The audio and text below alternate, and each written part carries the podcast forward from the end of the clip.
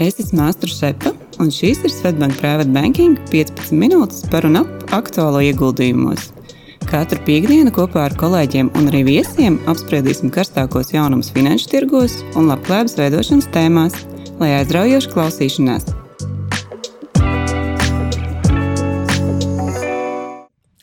Sveiciens ieguldītājiem podkāstu 72. epizodē no manis Mairis Janaits, un kopā ar mani šodien ir privātbanķieris Daniels Stauro. Sveiks, Daniel! Sveika, Maira!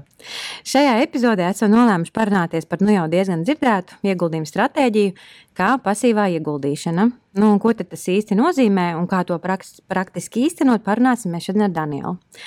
Un jau vairākās iepriekšējās epizodēs kolēģi runāja par akciju un obligāciju indeksiem. Nu, mazliet atgādinājumam, indeksi tad ir tie, kas apvieno kādu noteiktu reģiona, valsts, nozars, uzņēmuma akcijas vai obligācijas.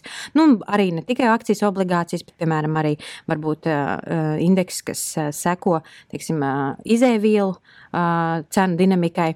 Nu, Indeks pēc būtības atspoguļo noskaņojumu un tendences finanšu tirgos. Nu, piemēram, ASV um, populārākais akciju tirgus indeks ir SP 500 vai Eiropā tas ir Stoks 600 vai Stoks 50, tad par ko mēs esam iepriekš jau arī podkāstos runājuši. Uh, ja, piemēram, ir interesi par kādu konkrētu valsti, tad, piemēram, Vācija ir DAX indeks, Zviedrijā jau ir MIX Stokholm 30. Nu, un kopumā šis te indeksu skaits pasaulē ir ļoti daudz, uh, un dažādi arī par nozarēm šie indeksi ir. Un katrs var sev piemeklēt piemērotāko.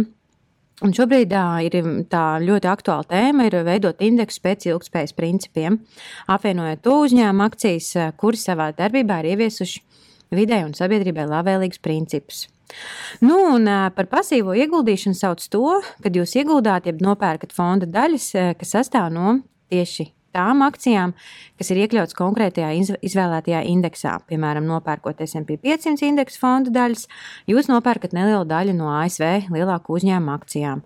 Un, ja ir izdarīt grūti izvēles starp šiem konkrētajām valstīm, reģioniem, tad ir iespēja nopirkt vienkārši visas pasaules uh, akciju, uh, fond, akciju indeksu fondu. Uh, Nu, un kopumā pasīvā ieguldīšana tā ir eh, tāda iespēja būt tirgus dalībniekam, piedalīties šajās finanšu tirgos bez lielas iesaistes, bez aktīvi, aktīviem darījumiem, un arī nav nepieciešams īpašas prasmes.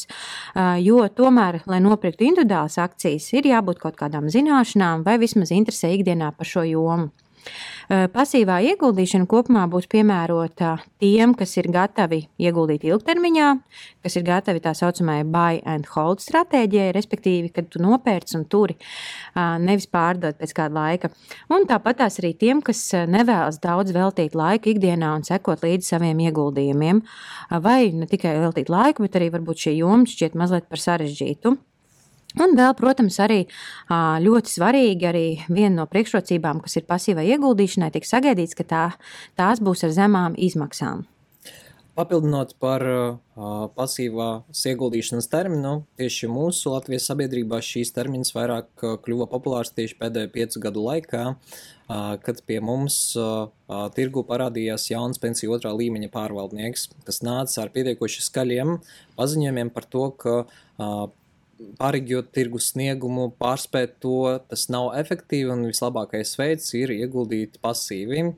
Un jā, šobrīd arī pārējās lielākās Latvijas bankas piedāvā pasīvi pārvaldītos pensiju līmeņus, pensiju fondus. Un tā skaitā arī Svetbank, gan pensiju otram, gan pensiju trešajam līmenim piedāvā pasīvi pārvaldīto plānu dinamika indeksu kas iegulda, kas seko MSCI World Indexam, kas iegulda attīstīto valstu tirgu, tirgos, un viennozīmīgi viena no lielākajām atšķirībām starp aktīvi pārvaldītajiem plāniem tas ir zemes izmaksas. Nu jā, tad, tad, ja mums interesē šī pasīvā pārvaldīšana, varam izvēlēties arī savos pensiju plānos šo te, uh, stratēģiju.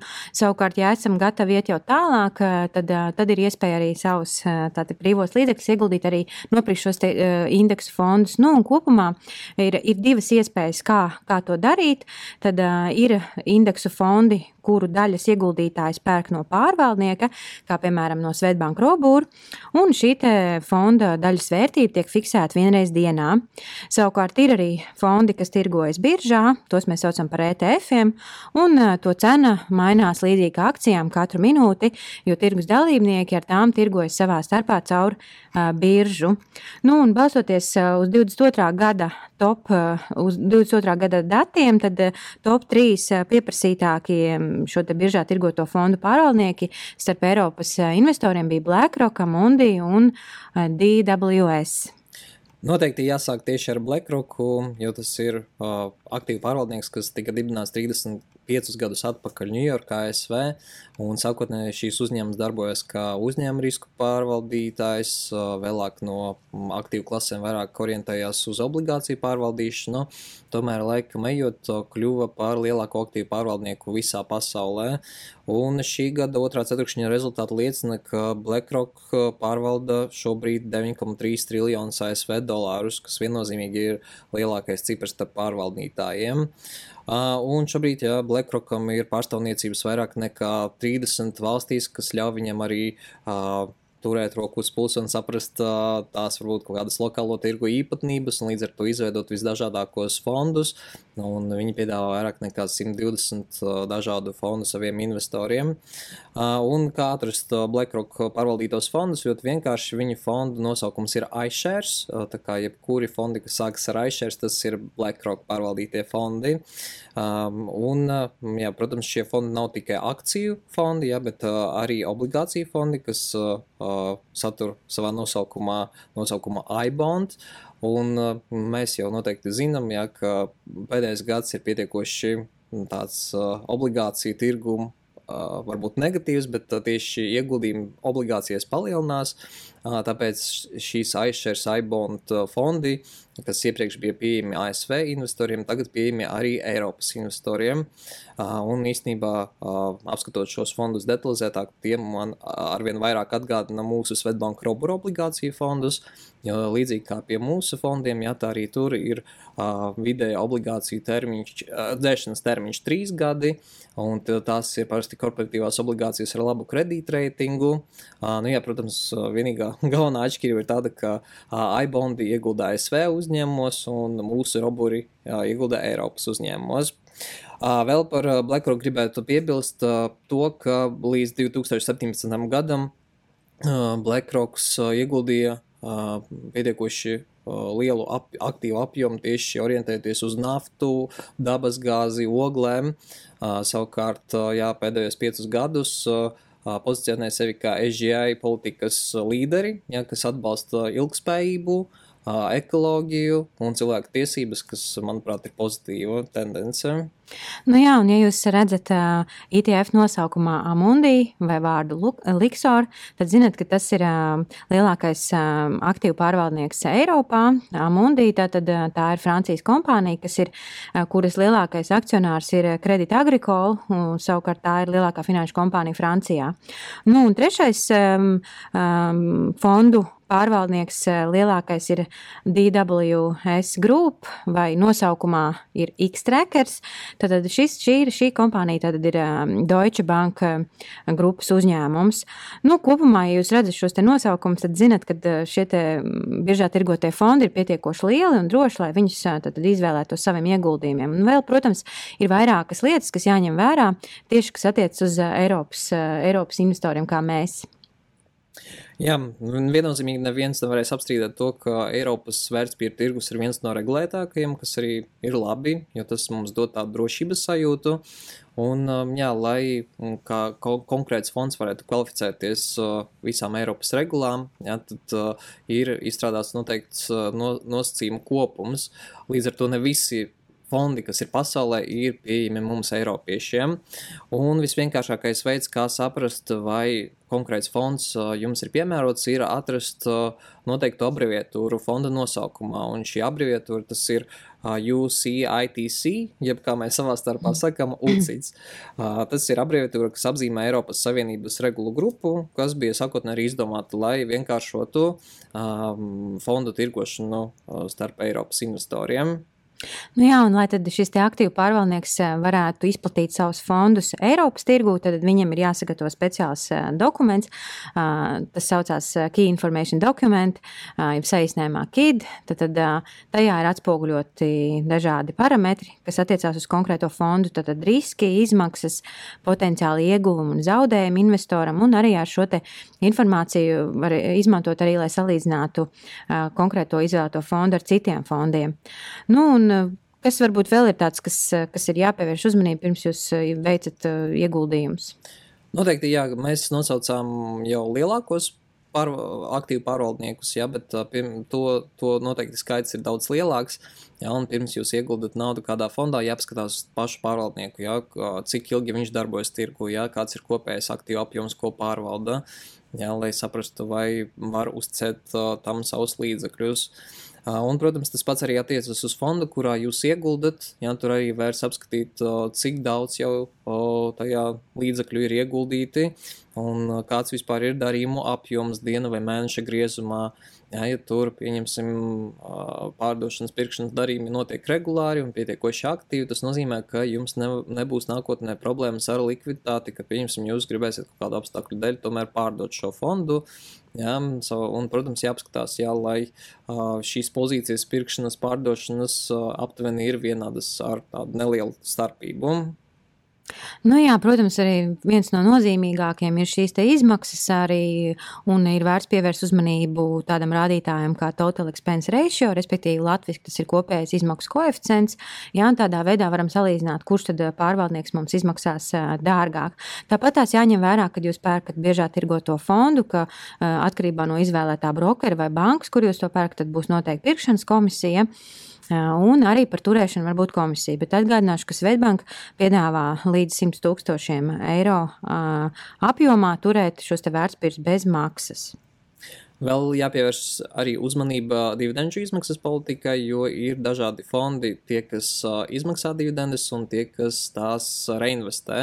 Un, protams, ja investoram ir mērķis gūt pasīvo, pasīvos ienākumus laika gaitā, tad uh, noteikti jāizvēlas tie fondi, kas dividendes izmaksā. Un to atkal var atrast visbiežāk uh, fonda nosaukumā. Mm, tas ir Distributing Funds un uh, DIST. Parasti saīsinājums no, parādās pie fonda nosaukuma. Tas nozīmē, ka fonds maksā dividendes. Bet, protams, arī fonda pārvaldniekam, līdzīgi kā uzņēmumu īpašniekiem, akcionāriem, nav pienākums izmaksāt dividendes pēc kaut kādas noteiktas regularitātes, ja, katru gadu, katru ceturksni un tam līdzīgi. Viņi jebkurā mirklī var pieņemt lēmumu, ka kādā mirklī neizmaksā vai izmaksā retāk tās. Līdz ar to, lai salīdzinātu varbūt un izvēlētos to labāko dividendžu maksātāju, vērts pievērst uzmanību arī dividendžu ienesīguma koeficientam, kas parasti tiek publicēts pie katra fonda. Un, protams, jo lielāks tas ir, jo lielāka varbūtība, ka jūs saņemsiet labākas dividendes no šī fonda. Savukārt, tiem investoriem, kam varbūt pasīvā ienākuma gūšana nav tik būtiska un vairāk orientējas uz kapitāla pieaugumu, tad uh, tur, protams, var izvēlēties arī uh, fondus, kas uh, ir reinvestē, jeb accumulating funds. Uh, un šajā gadījumā fonda pārvaldnieks saņemot dividendes ar šo, šiem līdzekļiem nopērk jaunas fonda daļas, kas nozīmē, ka esošās fonda daļas cena kāpj uz augšu. Un kaut arī jūs savā makā nesaņemat dividendes, bet tik un tā netiešā veidā jūs gūstat uh, peļņu no tā, ka jūsu uzkrājums aug. Nu jā, un ja mēs tā izvērtējam, kāda ir šī ieguldījuma stratēģija, šī pasīvā ieguldīšana, jāsaka, es jau minēju šos plusus, bet pie mīnusiem var pieminēt tādu, ka tirgus lejupslīdes gadījumā Indeksu fonda vērtības kritums pilnībā atspoguļosies arī jūsu ieguldījuma vērtībā. Un, parasti jāsaka, ka lielu uzmanību šī pasīvā ieguldīšana gūs tad, kad tirgos ir vērojama ilgstoša pozitīva tendence. Savukārt, ja notiek kritums, tad tad, tad investori parasti vēlas teikt, mazināt šo negatīvo ietekmi un, piefiksēt šo ieguldījumu vērtību un pārdod savu ieguldījumu. Un, jā, kolēģi arī iepriekšējās epizodēs stāstīja par, par, par lielākajiem kritumiem kritumiem dažādos indeksos. Un jāsaka, jā, ka tie pat var sasniegt 50 vai 30%, kā tas bija Covid laikā. Tā kā, nu, jebkurā gadījumā, ja esat, ja jūsu riska tolerants atbilst šim te, šiem te, jūs spēsiet izturēt šo, šos te kritumus, tad pasīvā ieguldīšana noteikti jums arī būs piemērota. Bet kā tad ieguldīt tīri praktiski? Protams, atverot internetbankā ieguldījumu kontu, tālāk jau mēs un papildinot šo ieguldījumu kontu par sev vēlamo summu, tālāk jau mēs varam iet uz sadaļu uzkrājuma ieguldījumi. Un, jā, tur jūs varat gan pēc nosaukuma sameklēt, ja jūs jau esat izvēlējies noteiktu fondu, gan arī pēc ISIN koda, kas ir tāds fondu identifikators. Uh, Ja tomēr vēl nav atrasts noteikts fonds, tad jūs varat atvērt, fi atvērt filtru un atlasīt pēc kādām savām preferencēm, pieņemsim, izvēlēties reģionu vai aktīvu klasi, kurā jūs gribat ieguldīt un tam līdzīgi.